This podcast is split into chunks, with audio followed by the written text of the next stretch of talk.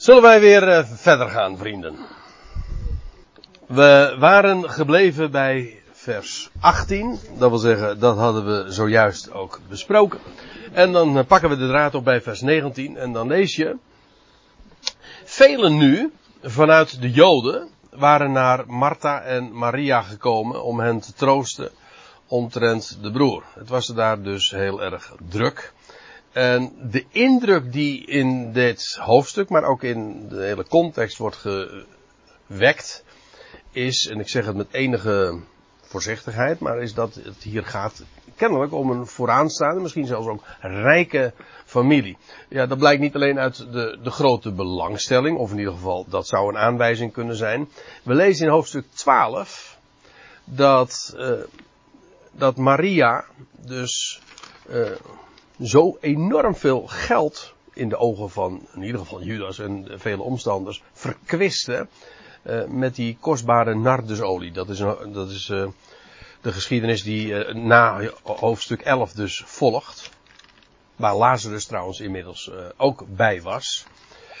het is in ieder geval een aanwijzing dat, dat daar nogal wat kennelijk geld was.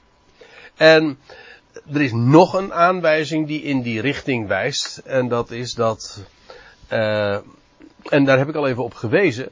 Dat Lazarus was gelegd in een graftombe. Een grafmonument. Dat is maar niet zomaar een graf voor. Uh, om het even plat te zeggen. Voor Jan en Alleman.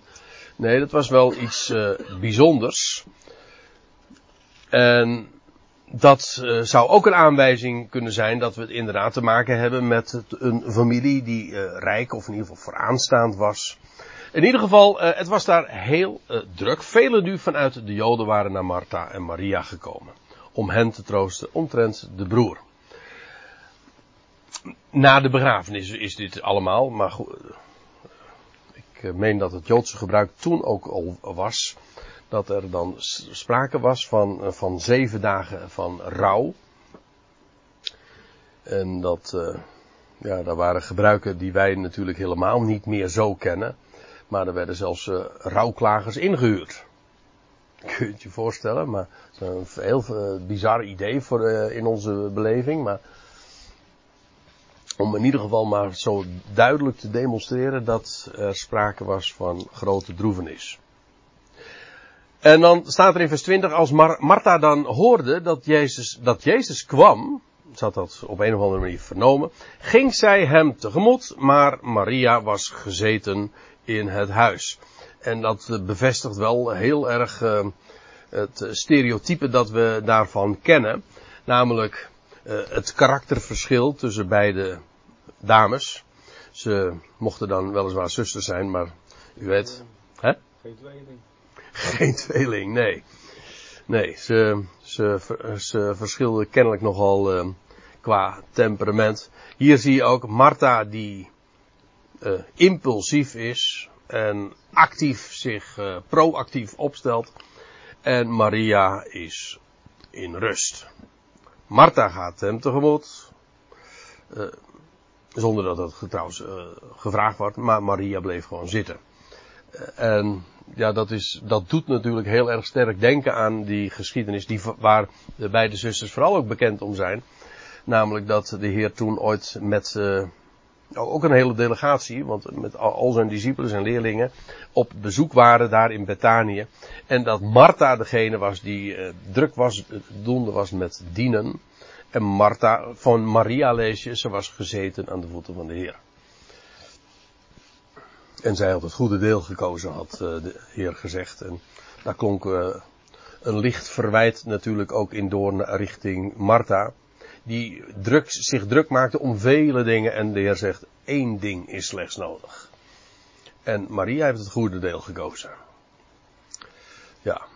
Maar in ieder geval, het gaat even om dat verschil. Martha die drukdonde is, actief, impulsief. En Maria de de vrouw die in rusten is en gezeten. Dat zie je dus uh, hier dus ook. En dan staat er, en Martha, die inmiddels uh, bij Jezus gearriveerd is, zei tegen Jezus, indien u hier was, zou mijn broer niet gestorven zijn. Dat, dat, dat uh, was wel voor haar duidelijk. En ik denk eerlijk gezegd dat, dat het meer een vaststelling is dan een verwijt. Een vaststelling namelijk gebaseerd op al haar ervaringen. Namelijk dat mensen die in ziekte zijn, die worden, werden door de Heer genezen. En uh, dit hoeft helemaal niet als een verwijt opgevat te worden. Misschien heeft het er toch lichtelijk in doorgeklonken. Met andere woorden, ja, als de Heer hier inderdaad eh, bij geweest had dit niet gebeurd. Dit moet dus uh, een reden gehad hebben dat de Heer heeft uh, expres is gebleven. Nou, de reden daarvoor is in ieder geval, ja, je kunt zeggen gewoon als je het heel letterlijk neemt. De reden was omdat de Heer wilde gaan demonstreren de heerlijkheid van God. En wat we straks ook zullen lezen, dat hij de opstanding en het leven is. Maar ook typologisch, profetisch, namelijk dat hij pas na twee dagen komt tot zijn volk en het dan ook uit de doden zal opwekken. Dat is de profetische reden. En het een sluit het ander niet uit, het een is juist gebaseerd op het ander. Maar, zegt uh, als hij heeft, indien u hier was, zou mijn broer niet gestorven zijn. Maar ook nu weet ik dat wat u ook maar aan God verzoekt, God zal het u geven. Zoveel vertrouwen had ze wel in hem. En trouwens, dat, dat weten is ook gebaseerd op uh, ja, ervaringskennis. Of in ieder geval van dingen die ze kennelijk wist. Uh, zij wist ook van, uh, of nou ja, weliswaar was dat allemaal in Galilea gebeurd waar we het eerder over hadden, de dochtertje van Jairus en over de jongeling van Nain. Maar zij wist het. Wat de Heer ook aan God zou verzoeken, God zou het hem geven. En dan zegt Jezus tot haar, jouw broer zal opstaan. En nou ja, dat is ook hier weer heel dubbelzinnig. Dat heeft Maria, of pardon, Martha ook meteen door. Of nou ja, of in ieder geval, die denkt dan van ja, het is een open deur in trappen. Maar wat, wat, wat, wat bedoelt de Heer nu? Jouw broer zal opstaan. Straks, ooit. Of gewoon op deze dag nog. En juist die dubbelzinnigheid zit hem in het feit van, ja, wanneer dan wel? Het feit zelf staat. En inderdaad, Lazarus zal opstaan. Sterker nog, Lazarus zou feitelijk twee keer opstaan. Toch? Ja. Lazarus is later, is bij deze gelegenheid, op deze dag, heeft de Heer hem opgewekt. Maar hij is toch weer gestorven. Een tweede dood eigenlijk, hè? Als je het zo uh, wil formuleren. Ja, feitelijk is dat een tweede dood. Hij stierf voor de tweede keer. En hij zal voor een tweede keer ook opstaan. dus als ik zeg het is dubbelzinnig, dan is dat ook dubbelzinnig. Want uh, het is maar niet alleen zinnig, het is zo dubbelzinnig. Het, uh, hij, zal, hij zal inderdaad twee keer opstaan. Ja. En, maar goed, laten we eventjes de, de lijn van het gesprek volgen. Martha zei tot hem, ja, ik weet dat hij zal opstaan. In de opstanding in de laatste dag. In de NBG-vertaling staat dan altijd ten jongste dagen. En dat uh, is eigenlijk een standaard uitdrukking geworden, ook in de theologie. Maar alles, uh, ja, daar is de eschatologie, de leer van de laatste dingen, in traditioneel is heel erg kort. Ja, de Heer komt terug en dat is de jongste dag en dan is de, vindt de opstanding plaats van alle doden en dan is de grote witte troon. Dat daar hele, dat er hele periodes tussen liggen en de duizend jaren en, en uh, het herstel van Israël en het Messiaanse Rijk, et cetera. Dat is volkomen onbekend. Maar nu eventjes uh, iets anders. Deze uitdrukking, de laatste dag, die hebben we al, al diverse keren tegen, zijn we al diverse keren tegengekomen in het Johannes-evangelie. en wel vier keer in hoofdstuk 6. Toen hebben we, herinner ik me, uh, ons daar ook wel wat, uh, wat nader mee bezighouden. We zullen trouwens de uitdrukking in hoofdstuk 12 ook nog een keer tegenkomen. Maar uh, hier dus dat Maria zegt, ik weet dat hij zal opstaan in de opstanding in de laatste dag. En doorgaans denkt men dat de Heer, of dat Martha hier doelt, uh, ja straks eenmaal uh, bij de grote witte troon. Maar dat is niet de, dat is niet de laatste dag. Sterker nog, dan zijn de dagen al voorbij, want bij de grote witte troon, dan lees je, bij de introductie van dat tafereel wordt gezegd van, uh, ik zag een grote witte troon en hem wiens aangezicht, voor wiens aangezicht hemel en aarde wegvluchten. Kortom, dan is de hele, de reeks van dagen is dan inmiddels al voorbij. Daar verwijst het ook niet naar. Het verwijst, en dat is een heel opmerkelijk punt, het verwijst naar de laatste dag in het boek Daniel. Een specifieke, genummerde dag zelfs. En ik stel voor dat we daar even naartoe gaan. Naar Daniel 12. Het zijn de laatste versen van het hele boek Daniel. En ook de laatste versen dus van het twaalfde hoofdstuk. En dan lees je dit. En dit wordt aan Daniel uitgelegd. En dan staat er, en, vanaf, en van de tijd af dat het dagelijks offer wordt gestaakt, en een gruwel, een afgodsbeeld, wordt opgericht, die verwoesting brengt, zijn het 1290 dagen.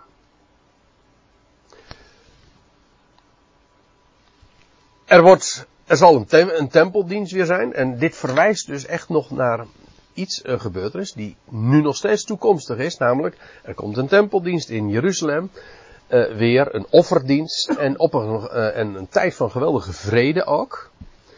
En, maar er komt een moment dat van de een op de andere dag die offerdienst gestaakt wordt. En in plaats van die offerdienst wordt er een afgodsbeeld onder druk geplaatst op het tempelplein.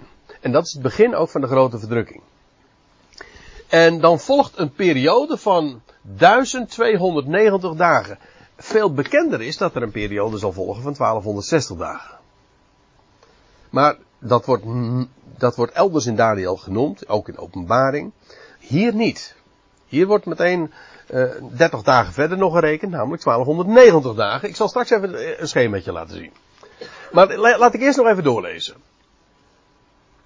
Uh, een gruwel wordt opgericht die verwoesting brengt. Zijn het, vanaf dan zijn het 1290 dagen. Welzalig, gelukkig dus, hij die blijft verwachten en 1335 dagen bereikt. Hm? Dat is nog weer een, uh, een heel aantal dagen verder. En dan staat er, en dit is het laatste vers van Daniel. Maar jij, Daniel, Ga het einde tegen en jij zult rusten. Heb je weer dat idee van de slaap. Hè? En jij zult rusten. Rest in peace. Hè? Je zult rusten en opstaan tot uw bestemming. Tegen Daniel wordt gezegd, je gaat nu, je gaat, je, je gaat dood, of je gaat rusten. Maar je zal opstaan. Tot je bestemming komen. En wanneer zal dat zijn? Aan het einde der dagen. Aan het einde van welke dagen? Die vraag moet je stellen. Nou, er was hier juist gesproken over 1290 dagen. En dan wordt er vervolgens degene gelukkig gesproken die blijft verwachten. En de 1335 dagen bereikt. Dus er wordt hier een hele, een, een, een, een periode genoemd. Heel duidelijk afgegrensd. En die eindigt bij 300, 1335 dagen, oftewel uh, eh, 1335 dagen, ja. En tegen Daniel wordt dan gezegd, jij zult rusten en opstaan tot jouw bestemming aan het einde van die dagen. Welke dagen? Wel, van die 1335 dagen.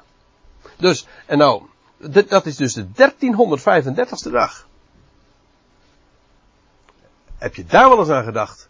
Bij de uitdrukking de laatste dag. En ik denk heel weinig mensen die spreken over de jongste dag en zeggen van, oh je bedoelt de 1335ste dag, moet je, moet je zeggen. Nou, dan.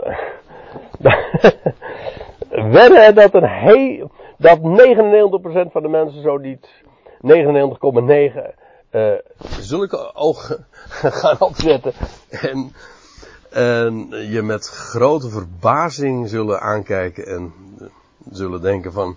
Nou, ik geloof dat ik eventjes 112 moet bellen. Hè? Waar, heeft hij het over? Maar dat is precies het einde der dagen. Het einde van die dagen namelijk. Kijk, ik zal het u eventjes schematisch voorstellen. Je krijgt een, uh, die dagelijks, dat dagelijks offer wordt gestaakt. En een afgods, oh, afgodsbeeld moet ik hier eigenlijk zeggen. Een afgodsbeeld wordt er opgericht. Op het tempelplein.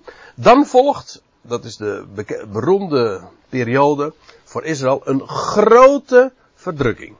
In, uh, in Matthäus 24 lees je dat ook letterlijk. dat de Heer Jezus zegt van, uh, en als, als gij dan de gruwel van de verwoesting ziet staan op de heilige plaats. En waarvan de profeet Daniel heeft gesproken, wie het leest geven er acht op. Als je dat ziet, maak een uh, vlucht naar de bergen en wacht niet langer. Oh, zelfs als je je jas nog hebt laten liggen in huis, ga niet terug. Maak dat je wegkomt. Naar de woestijn vluchten. Nou, want er zal een grote verdrukking zijn, wordt er gezegd. Nou, dus daar volgt er na het staken van die offer, dat offer en dat plaatsen van het afgodsbeeld op het tempelplein, dat is, dat, dat, daarmee begint een periode van grote verdrukking.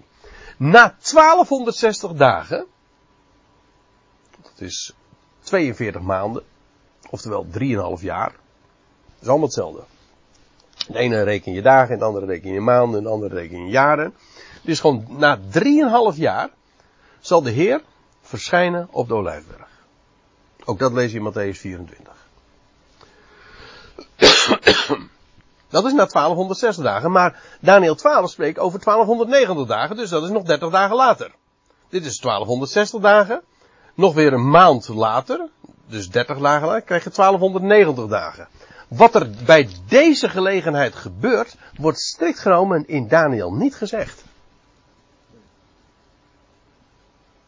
Wordt niet gezegd. Kennelijk, het is kennelijk wel een mijlpaal. Een maand later, 30 dagen later. En ik kan er allerlei dingen voor invullen, maar u bent hier natuurlijk niet gekomen om mijn speculaties te horen. Ik, ik weet het uiteindelijk niet. Ik kan, ik kan er hooguit iets voor bedenken, wat dat zou kunnen zijn. Maar daar gaat het even niet om. Uh, in ieder geval uh, krijg je dus uh, eh, 30 dagen later, 1290 dagen. En nog weer 45 dagen later, dat is dus de 1335ste dag. Dat is de laatste dag. Dat is de laatste dag. Namelijk de dag dat Daniel onder andere zal opstaan. Dan is Daniels rust, om zo te zeggen, voorbij. En dan, gaat, dan komt hij tot zijn bestemming. Dan gaat hij zijn, dan gaat hij zijn eigenlijke taken nog uh, uitoefenen. En dat is de dag dus van zijn opstanding. Sorry? Dit is voor de duizend jaren. Ja, dit is allemaal voor de, voor de duizend jaren. Ik zeg trouwens niet dat hier na meteen de duizend jaren aanbreken. Dat geloof ik juist niet. Ik geloof dat er zelfs nog een periode komt. Het gaat er even om. Dit zal de dag zijn dat Daniel, en ik ga er dan vanuit ook Israëls rechtvaardig Daniel, maar ook uh, een Lazarus, uh, nou, zal opstaan bij die gelegenheid. Dat is de jong. Dat is dus, ik hou niet zo van die uitdrukking, de jongste dag. Het is gewoon, letterlijk staat er eschatos en dat is de laatste, de laatste dag. En dan moet je dus eigenlijk de vraag stellen, de laatste dag van wat? Dat is toch een juiste vraag. Als je zegt de eerste, ja, dan, dan heb je het over een reeks. En bij de laatste dag denk je ook aan een reeks. De laatste dag van wat? En in het boek Daniel wordt dat inderdaad ingevuld. En dat betekent dus dat vanaf het uh, moment dat de grote verdrukking begint, dan, krijg je, dan wordt er een periode van 1335 dagen later geteld. En dat is de dag dat Daniel zal opstaan. Dat, is, dat betekent dus, ik kan het ook nog wel anders formuleren. Dat is dus 75 dagen nadat de Heer verschenen is op de Olijfberg. 30 plus 45 is 75 dagen later. Dus uh, pakweg 2,5 maand. Zo spreekt Daniel erover. En dat is die laatste dag. Dat is de dag dat Daniel, dat Daniel zal opstaan. En uh, Martha zegt, ja, ik weet dat hij zal opstaan op de laatste dag. Dat is die dag waar, waar, waar, Daniel overal heeft gesproken. Op die dag, dat is die laatste dag, de 1335ste dag. Of zo u wilt, de 75ste dag na de grote verdrukking of na de verschijning op de Olijfberg. Zie je? Zo werkt Bijbelstudie. En als u, als u het mij vraagt, eh, als je schrift met schrift vergelijkt, dan kun je dat inderdaad, die laatste dag, gewoon inderdaad nummeren. Het is de 1335ste dag. En dat maakt het ineens ook allemaal veel uh, ja, concreter. Dat is dan niet meer een vaag begrip, de jongste dag. Nee, dit is een heel concreet begrip. Je kunt het zelfs gewoon uh, ja, in, in maanden allemaal zo aanwijzen. En je kunt allerlei tijdstippen in deze, deze hele reeks uh, van dagen. En uh, kun je allemaal aanwijzen wat er zal plaatsvinden. Volgens de profetie. En uh, aangezien daar. Ja? Het is dus ook niet de laatste dag van de Aion. Nee. Nee, dat geloof ik ook niet. Wat je dan ja, normaal gesproken dan zou denken. Ja, want de laatste dag van de Aion is eigenlijk wanneer ook de hele wereld hè, zal uh, inmiddels, uh, want je leest ook, eh, dat is Matthäus 24, uh, dan, wordt, dan wordt gevraagd het, naar het einde van de Aion. En dat zal zijn wanneer Israël ook het evangelie van het koninkrijk aan alle natieën gepredikt zal hebben. Nou ja, in de Bijbelstudie-reeks in, in Rotterdam hebben we het daar uitgebreid over. Daar gaat het eigenlijk vooral over die tijd, zeg maar, daar zijn we inmiddels aangeland, uh, over die tijd na de verschijning op de Olijfberg. Dan wordt Israël hersteld. En uh, 75 dagen na de verschijning zal, zullen de rechtvaardigen dus opstaan. En dan, maar dat niet alleen. Dan gaat Israël een enorme belangrijke taak vervullen. Want dan moet vervolgens het evangelie van het koninkrijk aan heel de wereld gepredikt worden. Hier, aan het, hier vanaf hier, wordt Israël hersteld, maar is alleen, is de Heer weliswaar inmiddels weer teruggekeerd op aarde en, en, her, en vestigt hij zijn koninkrijk, maar alleen Israël is op dit moment onderworpen. Alleen het koninkrijk gaat dan vervolgens uitgebreid worden. En ja, middels Israël. Nou, als u daar meer over wil weten, we hebben het daar uitgebreid over in, uh, in, uh, in de Aker in, uh, in Rotterdam. Uh, buitengewoon boeiend als u het mij vraagt. Want en ook heel onbekend en de Bijbel spreekt daar heel veel over, omdat dit zo enorm uh, markant is. Want dit is namelijk de tijd waar eigenlijk al die duizenden jaren naar uitgekeken wordt dat het koninkrijk van God gevestigd gaat worden. Ja, eerst in Jeruzalem en vervolgens vanuit Jeruzalem uh, over de hele wereld.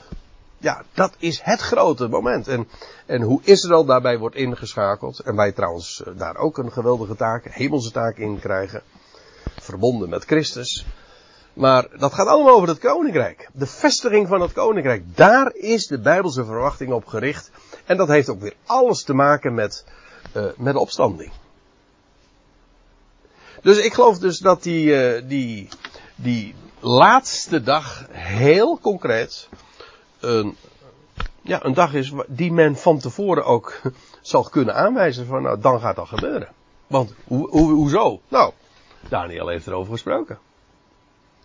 We, wij, wachten gewoon, wij wachten gewoon tot de 1335ste dag, dan gaat dat gebeuren. Is er nog iets over dat nog verzegeld is bij Daniel? Ja, dat is ook trouwens Daniel 12, die dan de woorden van zijn profetie moet verzegelen.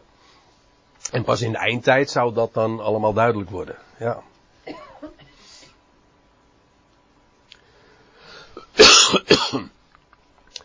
nou, um, dan zegt de Heer in vers 25, en ik zei al, al even eerder uh, voor de pauze, uh, misschien is dit wel het meest bekende vers uit het hele, uit het uh, hele hoofdstuk. Jezus zei tot haar, dat is Martha, ik ben de opstanding en het leven. Nou, dat zij dus gezegd heeft, ja, ik weet dat hij zal opstaan op de laatste dag. En nou zegt de Heer, ik ben de opstanding en het leven.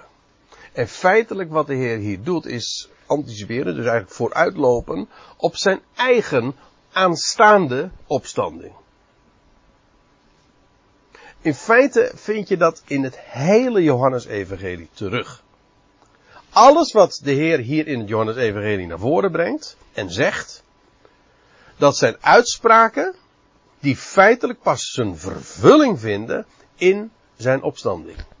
Hij anticipeert altijd daarop. En ik verwijs hier naar hoofdstuk 7, vers 39. En dat is dat, die, die, dat moment dat de Heer daar op het uh, tempelplein dan roept. Wie dorst heeft, die komen en drinken van het water van het leven. Om niet, en stromen van levend water zullen ze uit zijn binnenste vloeien. Nou, en dan zegt de, en dan staat erbij als commentaar van Johannes. Dit zeide hij. Dat moet ik even goed citeren. Dit zeide hij van de geest, welke zij die tot geloof in hem kwamen ontvangen zouden, want de geest was er nog niet, omdat Jezus nog niet verheerlijk was. Dat wil zeggen, de Heer deed hier een uitspraak, die pas werkelijkheid kon worden, en zijn vervulling zou vinden, ja, nadat hij verheerlijk was. Nadat hij was opgestaan uit de doden en van zijn geest kon geven. Dat lees je trouwens op de dag dat hij opstaat, dan blaast hij ook op zijn discipelen en zegt, ontvangt mijn geest. En dat is, daarmee ontvingen zij leven. Geest, de geest krijgen is leven krijgen. En uh, hij is de opstanding in het leven. Je zou zelfs kunnen zeggen dat dit een zo'n Grieks stijlfiguur, een hendiadis is. Een, dat wil zeggen, die twee uitspraken uh, zou je ook gewoon kunnen verenigen. Ik ben de opstanding en het leven, of ik ben de opstanding, namelijk het leven. Of ik ben het opstandingsleven. En ja, dat de Heer uh, dat doet. Hij doet, hij, ik, ik verwees zojuist uh, naar de uitspraak van dat hij het levende water is. In hoofdstuk 6, ik ben het levende brood. het levende brood. Ja, ook dat verwijst naar het feit dat hij de opgestane is. En wie in mij gelooft, zal leven zal leven, ook indien hij zou sterven. Dat zal leven, dat verwijst naar, namelijk zal leven in de opstanding. Ook indien hij zou sterven. Maar, um, het gaat hier over, ja, zoals dat dan heet, eeuwig leven, opstandingsleven, of ionisch leven. Ik weet, daar, uh, een heleboel mensen kennen dat niet, omdat ze helemaal geen idee hebben van wat ionen zijn. En dan wordt ionisch leven als bijvoeglijk naamwoord een helemaal een lastig begrip. Maar het is eeuwig leven. Het is het leven van die toekomende eeuw. Dat blijkt ook wel, want het volgende vers zegt dat ook zo. Het gaat hier over de opstanding van leven. Hè? De eerste opstanding voor de duizend jaren. Want in feite wat de Heer zegt is, wie in mij gelooft, die zal leven, die zal opstaan en het leven ontvangen, ook al zou hij uh, eer, eerder uh, gestorven zijn, ook indien hij zou sterven. Uh, dit is exclusief voor degene die gelooft. Dat blijkt ook wel. Wie in mij gelooft. De buiten niet. En maar dan zie je dus hoe belangrijk het ook is om zicht te hebben op de fases in, in het heilsplan. Want als je dat niet ziet, ja, nou ja, dan krijg je dus het idee van uh, eeuwig wel, eeuwig wee of uh, de eeuwige verdoemen. Dat heeft er allemaal niets mee te maken.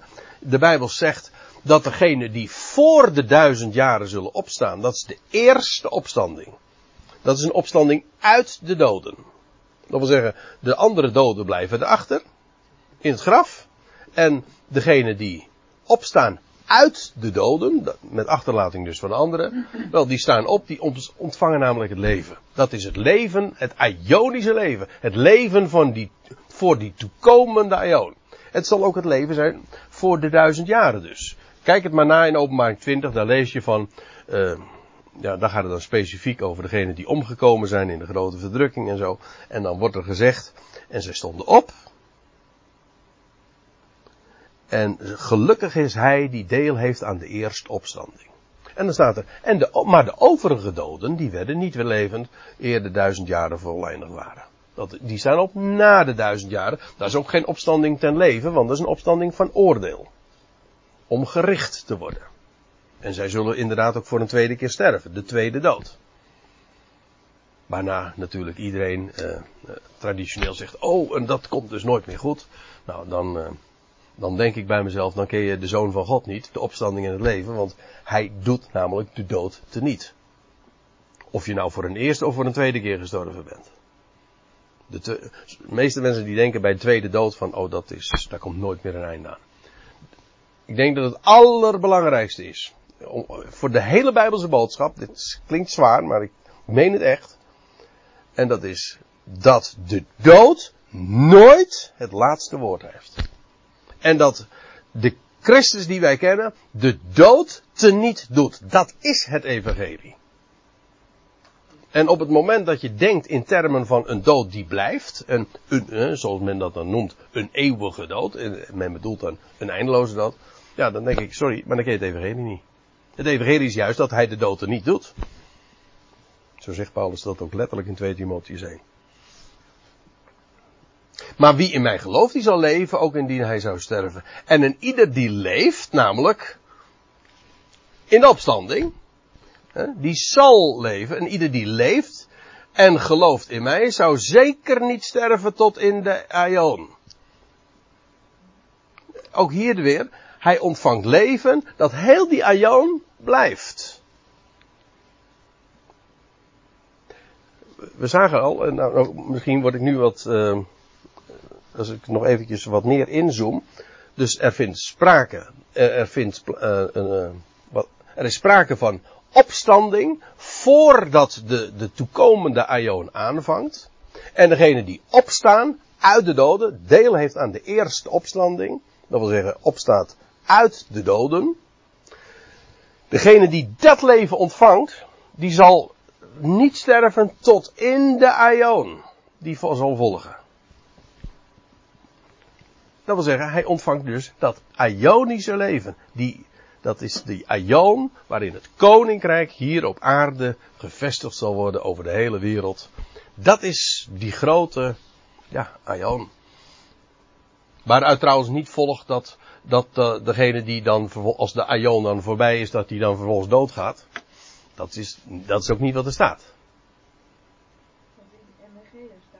Ja, ja, oh ja. Ik weet het. Die zal niet sterven tot in eeuwigheid. Ja. is volgens mij wat altijd gebruikt wordt om te zeggen van dat je dus dan gelijk doorleeft. Ja. Ja, dit is echt, daarin zie je hoe, hoe belangrijk het is om precies te lezen. Want men denkt dan dat deze tekst erop slaat dat degene die gelooft eigenlijk nooit doodgaat. Ja. Daar baseren ze het op. Da daar baseren ze het op. Maar daar gaat het helemaal niet over. Het gaat, het gaat erover. Uh, wie in mij gelooft, zal leven. Welk leven? Nou, in de opstanding.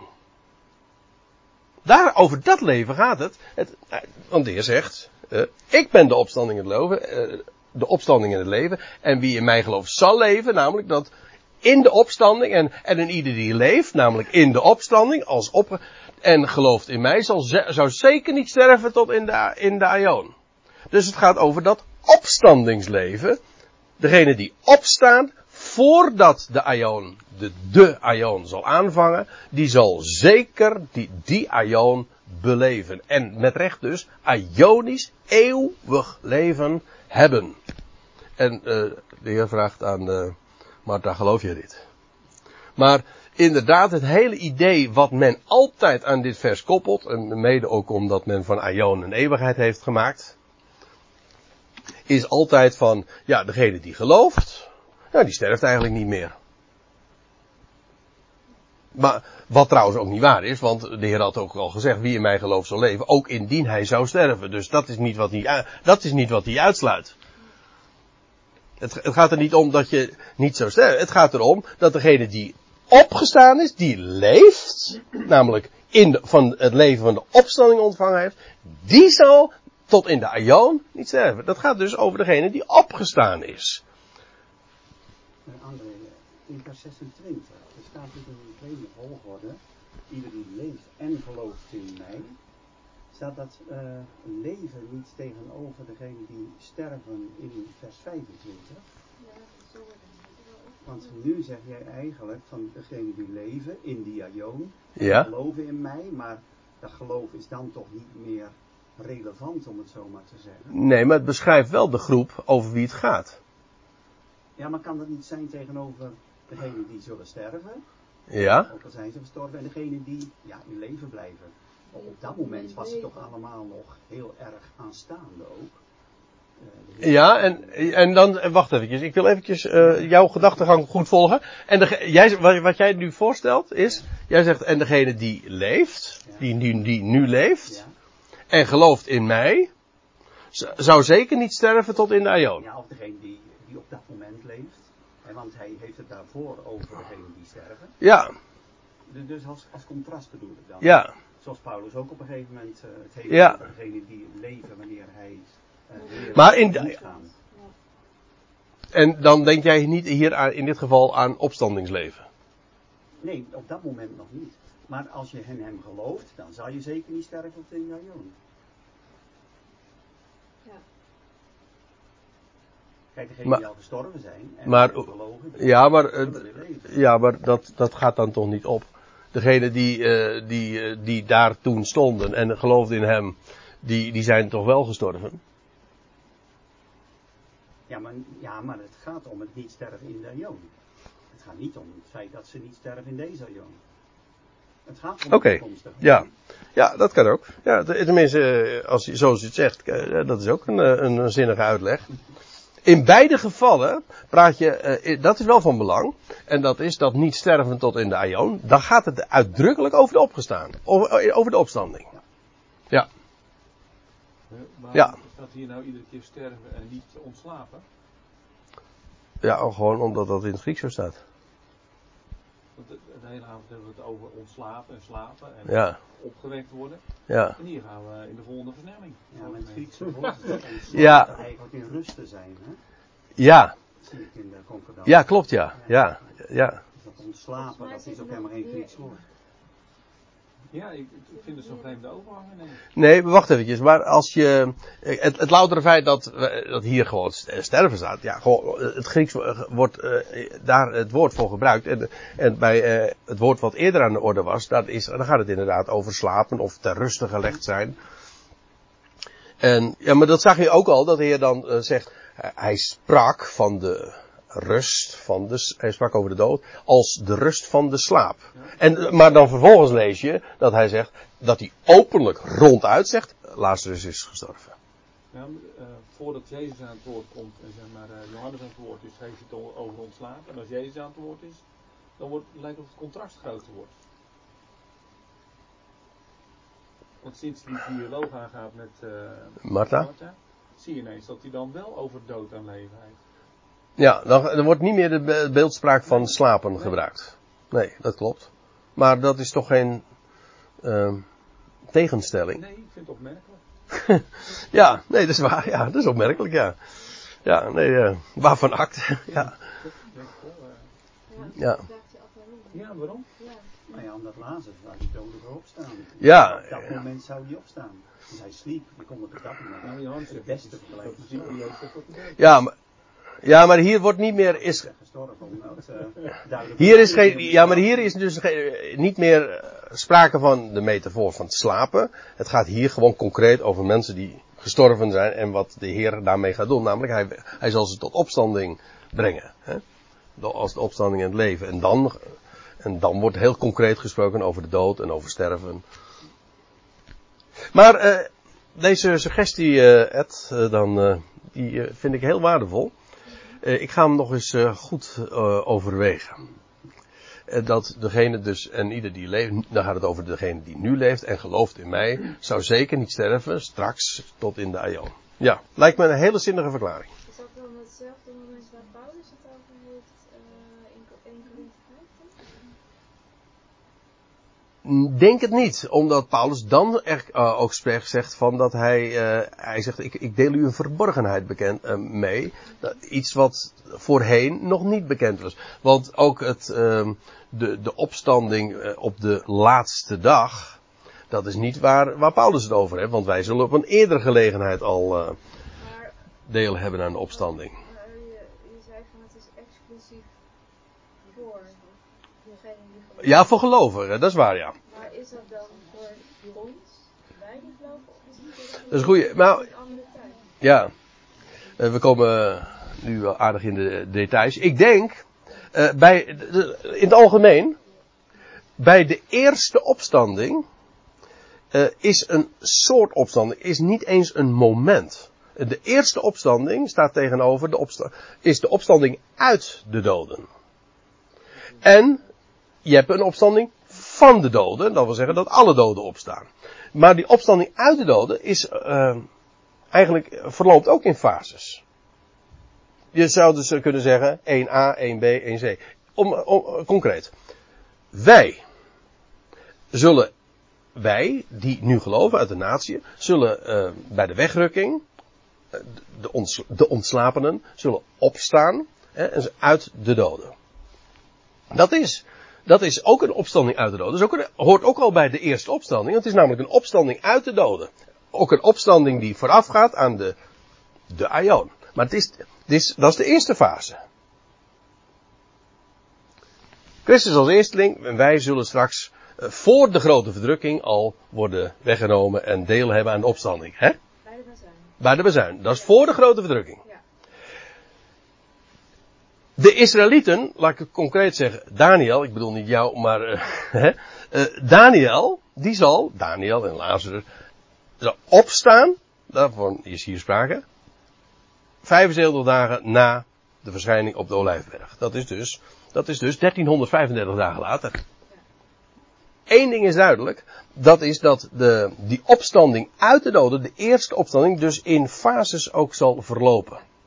Ja. Dit is dus inderdaad niet de bazuin. Nee, dat is niet de bezuin, want dat zal, eh, dat zal voor de grote verdrukking zijn. Dit zal, terwijl die opstanding of van de laatste dag, zal na de grote verdrukking zijn. Ik stel voor dat we dan de volgende keer inderdaad bij vers 27 beginnen. Dan hoop ik misschien ook nog eventjes wat over vers 26 te zeggen, maar daar ga ik nog eventjes goed over eh, broeden. eh, op, opbroeden, wat zojuist naar voren gebracht is. Misschien dat we daar nog wat, wat concluderende overwegingen aan kunnen toevoegen.